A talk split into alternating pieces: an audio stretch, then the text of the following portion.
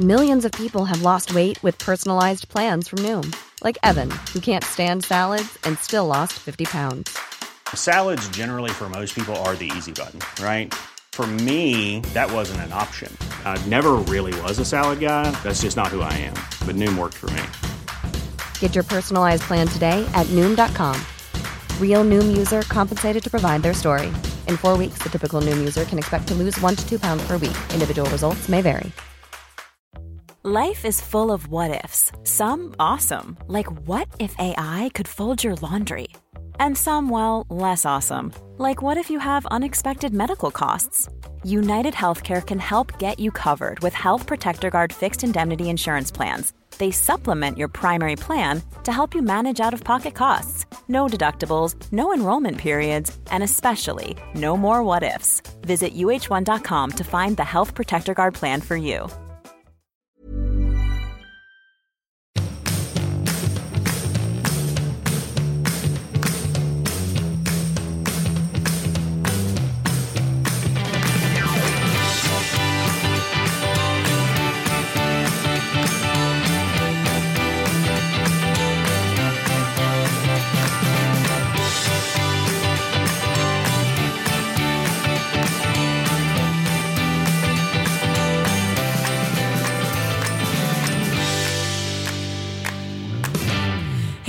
Välkomna till en fabulös liten timme med Lille Lördag. Ja, och det är en timme. Det är en lille lördag-timme. Vi får se hur Lille lång- det Vet man aldrig vad som kan, kan allt från en minut till tre dygn. jag är på gång. Jag, är på gång. Flytande. Eh, jag har ju också då en skämskudde. Jaså? Mm. Gud så trevligt. Ja, nej, jag vet inte om det är så trevligt. Men, eh, Ska vi riva av den direkt eller? Ja, men eh, jag tänkte bara prata lite om eh, motståndet man råkar på. Råkar på, kan man säga så? Är det här skämskudden eller Nej, det är här är inte skämskudden. Nej. Jag måste få prata lite om småbarnssex. Jag vet att det är en så här, en potatis som är het och som man återkommer till. och sen så här, Men det är fan ett skämt alltså. Ja. Det är inte så. Vi har i alla fall konstaterat att vi båda vill. det är alltid bra. Ibland vill man ju inte. Men alltså vi skulle ändå försöka få till det lite grann då. En liten snabbis snabbis, en så kallad bolibompa sex. Mm. Söndags förmiddag. Och det är så jävla roligt med barn. De vet att någonting är fel. Alltså någonting är så här, mamma och pappa ska inte snuska. Särskilt de som är ettårsåldern som är små djur fortfarande som bara säger Mamma, mamma. Man bara okej, okej, okej. Alltså åtta gånger. Du vet man säger jag ska inte ge upp, det ska gå. Det ska gå. Mamma. Och så håller en liten leksak så här. Jag vill inte ha din kloss nu, jag vill ha pappas Kloss. Bra, det lät bättre än korv. Pappas tross. Pappas stora tross. Eh, och så till slut blir man nästan så här tokig. Man bara, vi ska klara det. är som att man så här, ska bestiga liksom det högsta berget i världen för första gången utan syrgastub. Och sen tionde försöket så är det så här, får man till en liten snabbis. Och ändå, den segern. Mamma, mamma, mamma. När man ändå så här, sen är man ändå glad i några dagar. För att man var ändå man och kvinna och inte bara så här försörjare. Eh, men du förstår vad jag menar. Man är någonting annat. Och så här, hur mycket man än pratar om det, man måste ju knulla. Ja, Annars går det åt helvete. Jag tänker också att så här, Mamma. mamma. Eh, mamma, eh, mamma, eh, mamma, eh, mamma, eh, mamma. Vi borde göra en, så här, vi borde göra en rap. Mamma, mamma. ja. Mamma är bäst. Nej men jag tänker också att det blir farligt till sist att prata om hur mycket man börjar knulla, borde knulla för att då blir det också oöverstigligt. Ja men det finns ju inget större hot än när man som blir singel igen och börjar ligga runt. Ja, men det är ju som du så här, pratar, jag pratade precis med en kompis som ska köpa en klänning för ett bröllop i helgen. Jag måste hitta klänningen, jag måste hitta klänningen, jag måste hitta klänningen. Alltså vet du att det blir som ett mantra som man inte Mamma, kan mamma, Istället mamma. för att bara gå till affären som man brukar köpa en schysst klänning och köpa en klänning. Men Lotta Gray eh, vet ni säkert vem det är. Hon är journalist och författare. Har jobbat eh, med Vimmel i många år. Mm. Eh, hon har skrivit också om eh, sin cancer på sin blogg och blivit liksom, ja, men ett ansikte utåt för cancer kan man säga. Absolut. Hon är friskförklarad nu. Ehm, och sen så är hon ihop med en väldigt, väldigt mycket yngre kille. Mm. Han är 27 och hon är 51. Mm. Och sen så tror jag bara att allting kom ifatt henne. Jag träffade henne på Bo Kaspers Orkester i onsdags. Ja. Och eh, ja, men man hälsar, man kramas och hur är det och hit och dit och man pratar lite. Eh, men så skrev hon det här inlägget några dagar senare. Hon sa, skriver så här. Jag sa det till någon häromdagen att mitt liv är lite motvalls. När jag började jobba för 17 år sedan var tempot lågt. Jag gjorde mina vimmel och så berättade hon lite om det. Jag hade inga barn, ingen blogg, inga sociala plattformar, inget varumärke att vårda. Hon sa hon kom till jobbet vid tio och hon gick hem vid klockan 3. Och Hon var pigg och ung och egentligen borde det vara tvärtom. Så säger hon så här, sakta med åren har arbetsbördan ökat såklart. Eh, men hon säger att eh, det här som man lever med nu. Hon säger, jag vaknar ofta på nätterna i panik och tänker det går inte, det går inte, jag kommer inte hinna. Och så somnar jag om efter några minuter. Hon säger också att det är lika mycket fall och vi måste leverera alltid mentalt jobba. Så skriver hon, det här tycker jag är så jävla intressant. Så för mig är det tvärtom. Din ålder är 51, stressar och jobbar mer än någonsin. Det hade varit perfekt om det var omvända. Men jag, ingenting är riktigt roligt längre. Jag ser inte fram emot saker. Jag känner mig aldrig riktigt ledig. Jag har svårt med återhämtning. Och det är inte bara en ökad arbetsbelastning. Det är allt. Mitt liv är extremt fyllt. Så berättar hon om föreläsningar och träffa vänner, umgås med Jonathan, vara en bra mamma. Och allt det här, svara på mejl. Och liksom, så avslutar med att hon är så fruktansvärt tråkig på helger för att hon, hon måste liksom ta igen sig. Uh, så skriver hon så här, nu har jag gnällt av mig. Och jag gillar att skriva om svärtan och det allmängiltiga som alla känner. Det är inte synd om mig, jag är frisk, har ett jobb och en fin lägenhet. Men det vaccinerar mig inte från att känna. Mm, det var ju fint tycker jag. Ja, det tycker jag var jättefint. Och det slog mig också på samma sätt som i efterdyningarna av metoo så blir allting så tydligt plötsligt. Man har ett par helt, liksom, en helt annan blick för allting. För kvinnligt och manligt och sexuellt och ofredande och rätt och fel. Och eh, så igår så var vi på en, eh, ett födelsedagskalas. Och så, nej men jag vet inte, jag hade ingen smink på men det har jag inte så ofta. och så sa Mattias, men gud, under middagen så här, vad du ser trött ut, så här, svart under ögonen. Och det var ju liksom kärleksfullt sagt men jag blev så jävla irriterad. Jag tänkte så här, ja men vad konstigt. Jag har liksom inte sovit på ett och ett halvt år för en ungen som vaknar 19 gånger per natt. Man försörjer fem barn, man jobbar, man ska alltid vara uppkopplad, man har sin gamla pappa. Alltså, är det konstigt om man är trött? Och då blev jag irriterad på honom och sa så här, varför sa du så för? Liksom, det blir också så här att jag kände så här, den gamla tiden, så här, kvinna ska vara sitt utseende. Och eh, så här, en kvinna ska, så här, hon ska lyssna på mannen och vara hel och ren och vacker och behaga. Jag tänkte så här, jaha, men då kanske man skulle vänt på det. Så här, Gud, du, hur, du verkar vara jättetrött. Jag, du kanske ska gå hem och lägga dig, eller du får ta sovmorgon så går jag upp några, liksom, jag tar frasse i natt eller någonting. Men då kände jag så här, då var det genast så här, typ, jag läste det som, ja du ser inte så fräsch ut. Aha. Förstår du vad jag menar? Ja. Men det, jag kanske bara tog det fel. För han sa ju såklart att han inte menade så.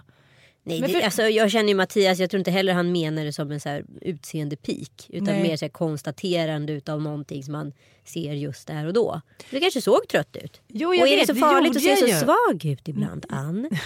Nej men jag menar bara att jag tycker ändå att det är lite man, manligt och kvinnligt. Om jag känner mig orolig för dig då kanske jag liksom påpekar det. Så här, hur är det? Du verkar lite uppjagad. Eller, du kan ju säga sånt till mig också. Ja, ja visst, men det är ju att vi ställer frågan på ett annorlunda sätt under tiden han ser någonting och konstaterar det. Ja, och sen är det klart. Ja. Nu har jag noterat det. Nu har jag frågat och hon Ja. sa nej, det är ingen fara. Ja. Eller det sa jag inte ens. Nej. Jag sa att jag, ja, men jag, och då blir jag så aggressiv. Ja vad tror du? Vad Ska, vi- han säger det går inte att prata med dig. Nej, det har ju hänt någonting. Du har en hö- förhöjd stressnivå. Du snappar så fort. Du tar saker personligt på ett sätt som du inte brukar göra tidigare. Men jag tycker också att det är jobbigt det här med inskolning, småbarnstid och vår show. Det är så mycket lösa boliner och man är alltid på något sätt ytterst ansvarig. Ja. Så det kanske bara också är fel. Jag kanske inte är ytterst ansvarig.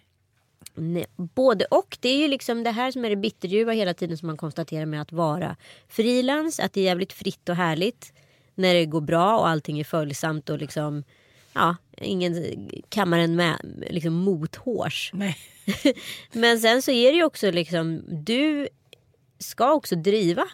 Du ska också ha tiden att driva. Du ska också kunna orka driva. Du ska också vara bra när du driver. Ja, och du du kan ju liksom- inte leverera någonting habilt när du har en show. Så bara, Oj, ja, det här blev inte så roligt. Man måste hela tiden liksom... Vara tänk- där och Ja. närvarande. Och jag tänker också så här, det hon skriver när jag började vara chefredaktör för tidningar. Då var jag ju tvungen såklart att liksom vara en förebild på ett sätt och det var många unga tjejer som läste tidningen och sådär. Men jag hade ingen blogg. Det fanns ingen så vd som krävde att jag skulle vara skitsnyggt klädd eller gå på liksom galor eller sitta med på business dinners. Eh, halva tidningen var inte en sponstidning så att jag typ skämdes lite. Det var, jag var mitt jobb och utanför det var jag mig själv. Liksom. Nu är allting samma sak. Allting är ju en social media-gegga om vi ska vara helt ärliga. Ja men det är ju det och det är därför jag tycker det här Instagram-testet som jag håller på med är så jävla vettigt och viktigt. För jag har själv kommit till ett skede i livet där jag så här. Jag kan inte bli stressad ifall jag tappar följare. Nej. Men jag blir det. Och varför blir jag det? Därför måste jag rannsaka mig själv och känna så här. Är det här en vettig verklighet att leva i? För att jag orkar inte Nej, med pressen inte. att liksom så här veta att så här, kommer jag få en följare? Måste jag slå knut på mig själv för att vara underhållning nog på Instagram? Ja, jag fattar vad du menar. Men känner du också så...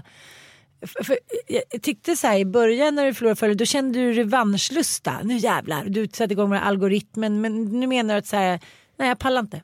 Nej, nej, nej, nej, men alltså det handlar om mycket större så här, här är saker jag tänkt på långt innan jul. Det är en bizarr värld att leva i för precis som du var på det när du var liksom chefredaktör när du var ung och liksom ändå frontade en tidning och gjorde allt det där. Då hade du all tid på jorden och liksom tog kanske inte tillvara på den eller uppskattade den inte tillräckligt mycket för vad den är. Idag har ju liksom person och varumärke flytit ihop. Ibland till vår fördel, absolut ekonomiskt, det behöver vi inte sticka under stol med. Nej. Men ibland så är det till vår absoluta nackdel för det hela tiden handlar om att vi måste vara överträffa oss själva och verkligheten hela tiden. De inläggen som gick bäst, det är den där bilden när Joel står bakom mig och håller om mig. Som har fått 500 000 views där, det, där vi har skrivit så här. Familjelycka. Det är egentligen insinuation på att det potentiellt skulle finnas en bebis där men det är inte så. Men då handlar det om att verkligheten måste hela tiden överträffas själv. Nästa grej skulle i sådana fall vara förlovning. Alltså att du ska leva i en sensationsbetingad verklighet. Där de här stora milstolparna i livet är någon typ av allmän beskådan och allmän uppluppenhet i att vilja följa. Och det är ju någonting som är knas i vår värld. Man ska alltså gå omkring och vara en levande sensation. Ja, Gud. Det är ganska omänskligt. Och liksom, hur härligt blir livet? Jag tänker när jag var chefredaktör, jag anställde mina kompisar lite på tidningen och så startade jag en till tidning. Vi hade ju också roligt, vi levde i vårt jobb. Förstår du vad jag menar? Ja. Vi gick ut och käkade, vi satt över men det var ingen som liksom höll på att gå under av kraven. nej, Utan vi gjorde det tillsammans och vi var liksom en enad liten galen tropp. ja. Men jag tänker också att det är så jävla lustigt för vi blir ju mer och mer traditionslösa i världen. Och i, vi tar vår del av världen då. Eh, vi tror inte på Gud riktigt längre. Vi följer inte traditioner på samma sätt. Eh, vi lever inte med vår familj på samma sätt. Det är bonusfamiljer. Och, alltså, vi har inte samma familjemoral. Nej. Och ändå så, liksom, så skenar betydelsen av bröllop, vi gifter oss som aldrig förr, eh, skaffa barn är typ the holy grail, förlovningar, allt sånt där som på pappret borde minska betydelse har liksom blivit de så här, the big five. ja men verkligen. Och det måste ju bero på det här, att vi liksom famlar i vad som är vår nya värld och då blir det här viktigare. Ja, och jag hade möte med en av de som är chefer på Instagram i Sverige. Liksom. Eh, hade liksom en, eh, sett i ett seminarium eh, och då ställde jag massa frågor angående liksom, algoritmen och vad som händer och hur, hur samhället ser ut och vad de har för visioner och så vidare. Och de är så här, ja men det är ju bara att dansa. Dansa lite så får du mer följare. Och man säger just fucking dance. Just dance tycker jag den här podden ska heta. För det är liksom, just nu ska man stå och steppa. Jag känner mig som en digital bonde. Jag sår och jag skördar och jag sår och jag skördar. Och jag kommer inte kunna vilja leva det här livet så många år till. Nej, vad ska jag göra istället då? Bli... Nej men jag måste ha någonting verkligare, någonting mer köttigt. Det är jättekul att vara en influencer, verkligen jätte, jätteroligt. Man får vara med om saker som man förmodligen inte skulle få vara med om en hel livstid. Nej. Men samtidigt så är det också självutplånande att inte göra något för någon annan någon gång. Mm. Tycker jag. Ja, och jag tänker också att det kanske finns en bäst före tid, alltså kanske inte rent visuellt men för ens egna inre. Ja, Jag tar Margot, hon är 26. ja. hon Ja, gör gud, det. Hon hon gör det så bra. Hon Ja. gör det så rätt. Hon Ja. är så rätt på. Ja, men, ja jag vet, men, men, men eh, hon kan ju inte göra det i 20 år såklart. Det är klart hon inte kan. Nej. Men hon kan göra det i fem år till. Mm, absolut. För Men jag jag, har ju jag förstår att det är ett jävligt roligt liv. Exakt, och jag har ju varit i det här livet i snart tio år. Jag börjar känna att jag är lite så trött på att vad jag åstadkommer ska mätas i antalet följare och hur bra jag är eller hur dålig jag är enligt en annonsör ska mätas i antalet likes, views eller följare. Det ska inte sitta där i och jag är ju inte en influencer på heltid. Utan jag gör ju andra saker också. Ja, och det är det som jag tror blir dubbla också. Att man, man står så här, man är i så många olika branscher och läger så att det blir lite så här. Det går ju inte bara vara det ena. Om vi hade börjat vara influencers idag då hade vi förmodligen bara varit influencers. Ja, och då hade man bara jobbat med det här Ja. och det hade varit ens fulla liksom, arbetstid. Nu är ju inte det det. Nej. Så det är ju svårt att liksom hitta balansen kan jag tycka. Ja. Så därför känner jag så mycket med, Navelskådande, navelskådande. ja, men jag känner så mycket med Lotta Gray i det hon skriver att det är konstigt att känna sig mer liksom Jag känner mig dels också så väldigt mycket skörare idag än vad jag gjorde för bara några år sedan. Jag känner att saker drabbar mig hårdare, jag har svårare med återhämtningen. Jag har jättesvårt att hitta styrningen på den här våren. Jag tycker allting bara hänger på lösa bolinder. Alltså jag vill verkligen ha struktur och sammanhang och liksom en fungerande liksom arbetssituation. Jag känner inte riktigt att jag har det just nu.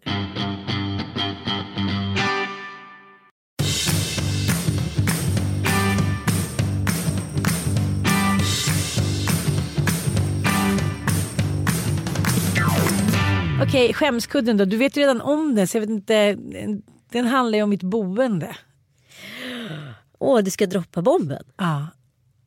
Jag var på en lunch i fredags med en eh, ja, business contact. Han var så här, ah, hur är det ute i huset där på Lidingö? Jag var så här, eh, ja, jag Ja, bor hur är det ute i huset Lidingö.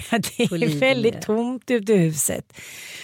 Och då sa jag så här, ja, jag skriver om allt på min blogg men jag ville bara liksom eh, ha gjort klart saker och ting innan jag... Eh, så att jag får väl skriva om det idag och berätta om det idag. Men eh, ja, eh, vi kallar ju den här eran för Saved by a rat. Nej, men jag drar det bara snabbt. Eh, Gör du? Ja, ni som eh, följer mig vet ju att jag eh, flyttade till ett hus på Lidingö. Med pompa och ståt. Med pompa och ståt och nymålat och livets glada dagar hur underbart det här skulle bli. Ja, eh, vi kom dit. Eh, det var väl härligt. Det var lite Fawlty Towers hus. Man tog ett handtag och det gick sönder. Och, och tvättmaskinen lät så mycket att det inte gick att vara på övervåningen. Men vi kämpade på och det var ju mysigt och folk kom dit. Kämpade och... på, kan vi prata om vilken tidsaspekt pratar vi om? Vi pratar om kämpar på. Okej, en vecka. Ja, en vecka. Ja. Men sen så andra dagen då så hade jag väl någorlunda, eller tredje dagen, någorlunda gjort ordning eh, killarnas rum där nere. Och först hittade jag ett hål i marken under eh, heltäckningsmattan vilket ja, känns väl inte så kul. Men det var inte så mycket mer med det. Hur mycket kan man begära? Vi hade ju bara hyrt huset också. Det måste vi ju, det är en viktig detalj. För att jag ville så gärna att vi alla skulle bo i hus. Jag skulle visa hur bra det skulle bli. Skulle vi hyra det där huset sen skulle vi köpa ett hus då så alla skulle bli lyckliga. Barnen skulle vara fria. Kan vi bara, bara här, recappa lite här? För du är ju en campaigner Ja, i din persona. Du kan ju sälja vem, vad som helst till vem som helst. ja. Ja. Eh, och man kanske inte kan säga att Mattias var superpro i början. Det här huset. Nej. Nej, Nej, nej, nej, men och sen blev du sårad för att du tyckte att du ansträngde för hans skull. Och sen så blev han ledsen för att han tyckte att han inte gjorde tillräckligt för din skull. Och så blev det det här huset. Ja, Ja, så Ja. hade ni då, har ni då hyrt ut lägenheten. Ja. Ja, fram till augusti. precis. Ja. Så att tanken var väl, om vi ska vara helt ärliga då, att vi... Ja, vi skulle helt enkelt testa hur det var att bo i hus. Ja. Mm. Men då eh, ska vi gå och lägga Bobo och då är det då eh, muslortar på sängarna. Barnens sängar på deras madrasser innan vi ska bädda dem. Och då var jag så här, men gud, jaha, eh. och Mattias eh, han gillar ju inte möss jättemycket, eller det kanske ingen gör. Han var så här, gud var kommer de här ifrån? Jag bara, men ja, de kanske var där för innan. Det var ju sängarna vi fick av er. Mm. Jag bara, vadå? Har Nita skickat med sig muselortsmadrasser? Ja, vi insåg att någon hade varit där uppe och bajsat. han kändes väl inte jättebra liksom. Ha, och så var jag uppe och skulle måla naglarna och ta upp min makeup, eh, lilla makeupbox och då var det lite muslort, lite söndergnagt bomull och det där. Och så kom Ossian dit och de hade varit i LA och sa gud vad det springer, mm, liksom springer någonting i väggarna. Jag var så här, om man hyr någonting så tycker man så här, dels kanske att de som hyr ut det kommer hem och kollar till det lite. Mm. Ja. Men sen var det så här, det här är ett jättegammalt hus. Det var slitet men mysigt. Men, men runt om finns det ju då ja, men massa bråten och hit och dit och löv eftersom ingen, de som hade hyrt innan hade väl inte riktigt brytt sig om de där löven. Så när vi flyttar ut då, eller när de flyttar ut och vi flyttar inte in först en månad senare. Då har det också varit kallt, de har levt där under löven och i, i bråten runt huset. Så då har ju de så här, shit det här är så övergivet. Livets glädje där, rötterna på bordet. Och du vet när man precis har flyttat in, man känner så här, nej men jag orkar inte. Nej, jag kan inte ta hand om någon annans rats. Ah, ja, men det, vi det var inte på. husdjuren du hade sett framför dig. Nej det var det inte. Och Nej. sen så ska vi gå och lägga oss och ja, det är iskallt i sovrummet och vi ligger med kläder. Ja. Och Mattias myntar uttrycket vi kommer aldrig ha sex i det här huset. och jag tog det då personligt som jag gör med det mesta nu för tiden. Uh, hur som helst, eh, jag går på den här cancergalan som du är på. Det här är då måndagen för tre veckor sedan. Mm. Kommer hem och hela familjen sitter som så här, barnen på Frostmofjället typ. I soffan och så här, Frasse sover, Bobo gråter lite. Jag säger men gud vad har hänt? Har någon dött typ? ja. Nu vill inte jag gå in på närmare vad det var men det var en, en, en rejäl liten bajsavlämning nedanför sängen. Typ fem centimeter från sängen som lika gärna kunde hamna till vår Du ville ju inte gå in på det. Nu har du ju gått in på det. Ja. Men, men jag vill heller inte snacka ner någon. Nej. Nej. Vadå råttan? Du vill ta det personligt. ja, men det kanske var en jättemus, jag vet inte. Jag får panik. Jag har sett bilden. Jag har Ja, sett men, bilden. men här är, ja jag skickade väl inte det direkt. Här är jag en ganska rättrådig person. Det är inte så att jag sitter på mina lagrar och tänker så här, hur gör vi nu? Utan då blir jag ju så här, okej, okay, Men I'm the lika impulsiv som du kan vara åt ena hållet. Ja. Mm. Lika impulsiv kan du vara åt det andra hållet. Så att det, det sitter ju inte fast någonstans. Nej, nej, nej. Och på gott och ont. Mm. Men här blir jag ju liksom en försvarare av min familj. Så här. Packar in alla i bilen. Flyttar in på hotell. Mm. Sen bor ju vi på hotell då. Jag Två fa- veckor. Ja, jag måste säga var vi bodde för de var så otroligt gulliga. Vi bodde på Scandic Grand Central. Mm. Där bor vi då hela familjen för jag ska ha killen lite längre eftersom eh, mitt ex då är bortrest. Så där bor vi då i nio dagar. Mm. Vi äter frukost, middag, eh, vi lever, bor och verkar där. Och eh, sista kvällen så har frallan stängt av hela vinsystemet, kylskåpet. Så de sitter och serverar varmt vitt vin. Då kände jag så här, "Åh, nej nu måste vi sticka. Men de var så jävla gulliga och schyssta och det var ändå lite härligt. Och nu hyr vi då några kompisars lägenhet. Fram till. 18 april. Så det är några någon månader som utan bostad. Vi har hyrt ut lägenheten den 1 augusti. Mm. Ja, så är det någon som har en lägenhet eller ett hus från 18 april. till eh, mitten på juni kanske vi ska säga. För Ja. att du ska till Gotland sen. Precis, precis. Så det var och nu eh, så, så bestämde sig alla bara så men gud stackars er, gud vad jobbigt och ni som hade flyttat och hit och rensat och allting. Men vi bestämde oss på det jag och Mattias, att vi ska inte gegga in oss i det här. Nej. Utan nu är det så här, ja då var det inte rätt. Nu står vi på varandras sida och eh, det löste sig ju skitsnabbt eftersom några kompisar till mig eh, skulle vara i USA för ja, hennes man är är golfspelare. Så att, eh, nu bor vi på Östermalm och eh, Du ja, vill väl aldrig flytta från Östermalm? det, jag älskar Östermalm. Ja. Jag känner mig som Elalias yngre avkomma. Så lycklig. Nej men man känner sig bara så jävla misslyckad när man tänker att man ville göra någonting för att alla skulle få det bättre och så blev det bara strul. Men vet du vad, jag kanske kan känna så här i efterhand att det där kanske var det bästa strul som kunde hända dig. Mm. För du är väldigt impulsiv Ann och du är väldigt stark i din impulsivitet. Mm. Och ibland så kanske det här är liksom det enda sättet som får dig att få lite näsbränna och lära dig utav dina misstag. Kan man säga så? Ja. Så, så här, lex råttan skulle jag vilja säga. Kommer vi fr- från och med nu när, du försöker, Dance, dance, dance. Råttan. ja, nej men från och med nu när du vill ta ett sånt där ganska radikalt beslut, vilket Mm. det är. För du vet, för människor i vanliga världen, för såna här saker kan ju ta flera år att planera. Jag för vet, tar jag tre vet. veckor. Ja, Men- då kanske du bara kan tänka Men du vet ju vad det var älskling. Du vet att det var det att jag kände panik. När Ossian säger så här. "Ja, jag funderar på jag kanske ska åka till USA och plugga efter nian. Jag var så här, det handlade om en blandning av så här, att vi inte riktigt får plats i vår lägenhet. Eh, känslan av att kunna få ha lite privat vuxentid, vilket man inte kan när man bor i en lägenhet på det sättet. Liksom. Eh, ja, som inte är tillräckligt stor i alla fall. Och dels att jag känner att jag måste kunna jag vet inte. Du vet, jag, jag måste kunna vara med mina barn. Så här, olika våningar, badkar. Jag började till och med fantisera om att vi skulle gifta oss i trädgården. Bananias liksom, hela mitt liv. Vad är det du har lovat Mattias det här året? Stay tuned. Att inte planera ett ombygge. Ja. Att inte prata om en renovering. Att inte bygga ut Gotland mer den här sommaren. Att bara kanske sitta lite still i båten. Hur ska det gå? Ja, men det är Är det då det blir galenskapen? Är det Nej, då nej, den nej, slår till och du flyttar ut till ett, vill, ett hus på Lidingö och flyttar till en liten lägenhet? Men samtidigt kan jag känna så här, på något sätt känner jag mig lite fri. Mm. För Det det är ändå win-win. Ja men det har ändå varit lite, liksom, lite upp och ner och slitigt liksom, i relationen, i familjen och eh, ja men man har hamnat i någon så här ond cirkel. Men det är ditt fel, det är för att vi bor trångt, det är för att vi är hit och dit. Nu inser man att det handlar inte om det. Nej. Det handlar om att så här, man måste ta ansvar för sin relation, inte skylla på någonting annat. Nej. Lex ansvar. ja. Ja, nej men du. Ann, Cirkus Ann, du är ändå en väldigt eh, liksom, underbar ljuvlig människa med alla dina fel och brister. Det måste jag ändå säga. Jag skulle inte vilja vara utan dig. Det vet jag. Det Ja. vet jag. Du sitter där i din pimpinett lilla blus. Trycka till mig lite grann. Ja, Känns det vill jag bättre nu? Känns det det vill jag bättre nu? göra. Ja. Jag vill ändå vara med dig. Ja, då var med dig med. Trycka va? Trycka till va?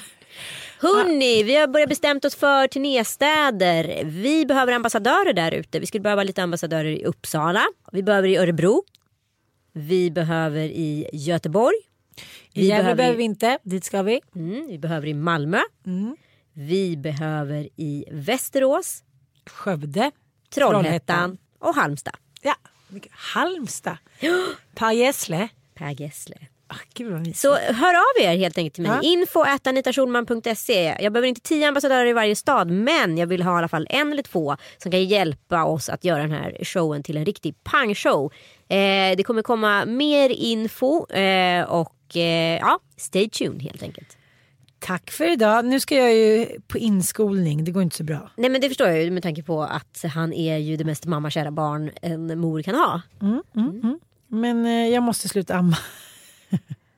Tre år senare. Ah, ah, herregud. Ah, ja. mm.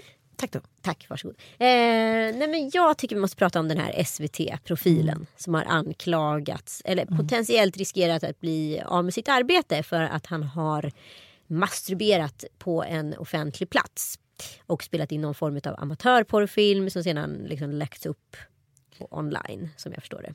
Ja, men han har väl varit med i olika amatörporrfilmer om jag har förstått det rätt. Ja, men Så att det har väl varit lite organiserat eller har han bara själv stått och runkat mot liksom det var det här som inte jag var gammal- helt säker på för jag har för mig att han hade liksom gjort det själv och sen så lagt upp det på någon sån typ av sajt. Jaha okej. Så att han, han har stått i en gympasal och eh, runkat mot romerska ringar och sen har han lagt ut det på sådana ställen där man kan lägga ut det. Jag har för mig att det var ett gym. Nu har det länge sedan som jag var på gymnastiken och gick till en gympahall och gymmade. Men det kanske du gör ofta Ann. Ja men ja, nej det gör jag väl inte. Men Alexander Bard har såklart uttalat sig att så här, man måste kunna stå fri från vad man gör på fritiden sexuellt.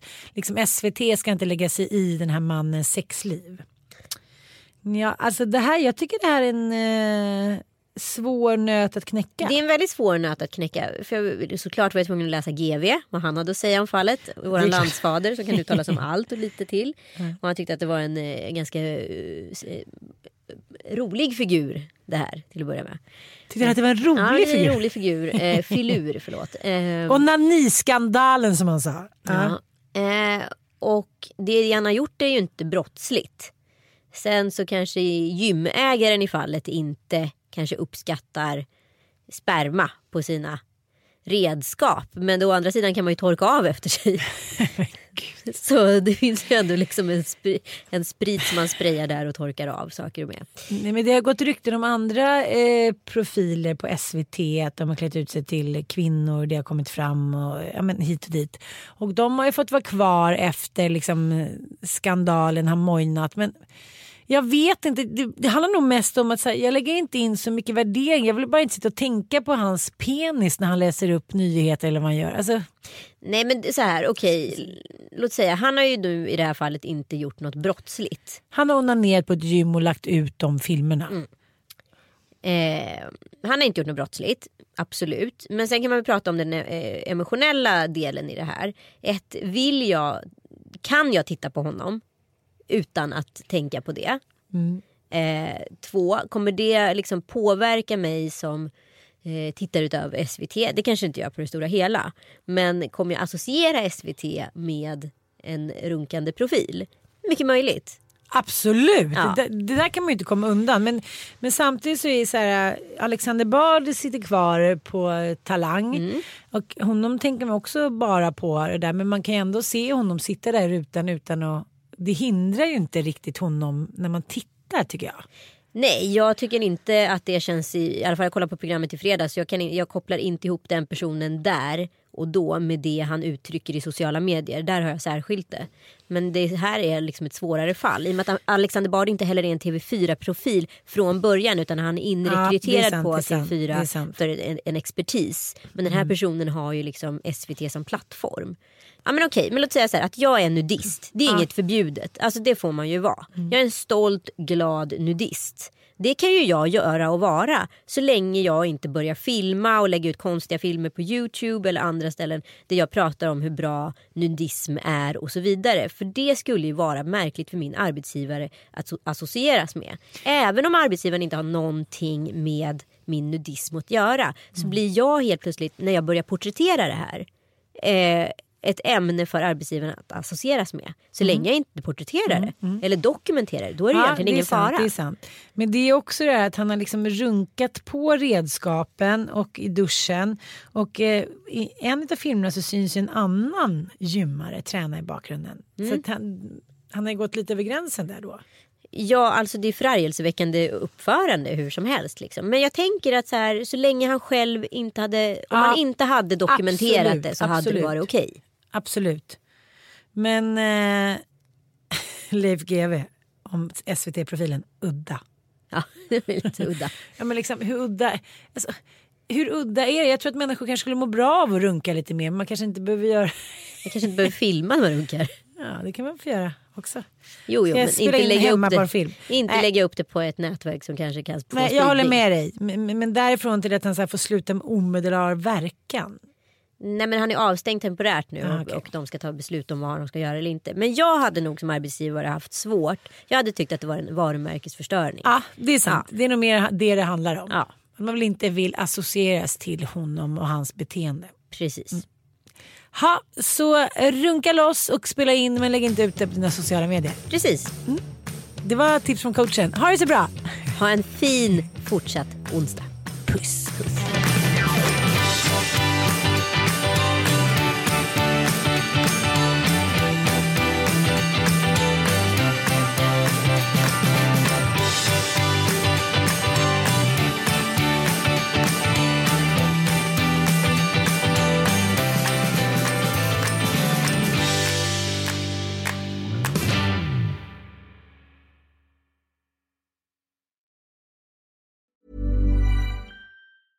Hey, it's Paige DeSorbo from Giggly Squad. High quality fashion without the price tag. Say hello to Quince.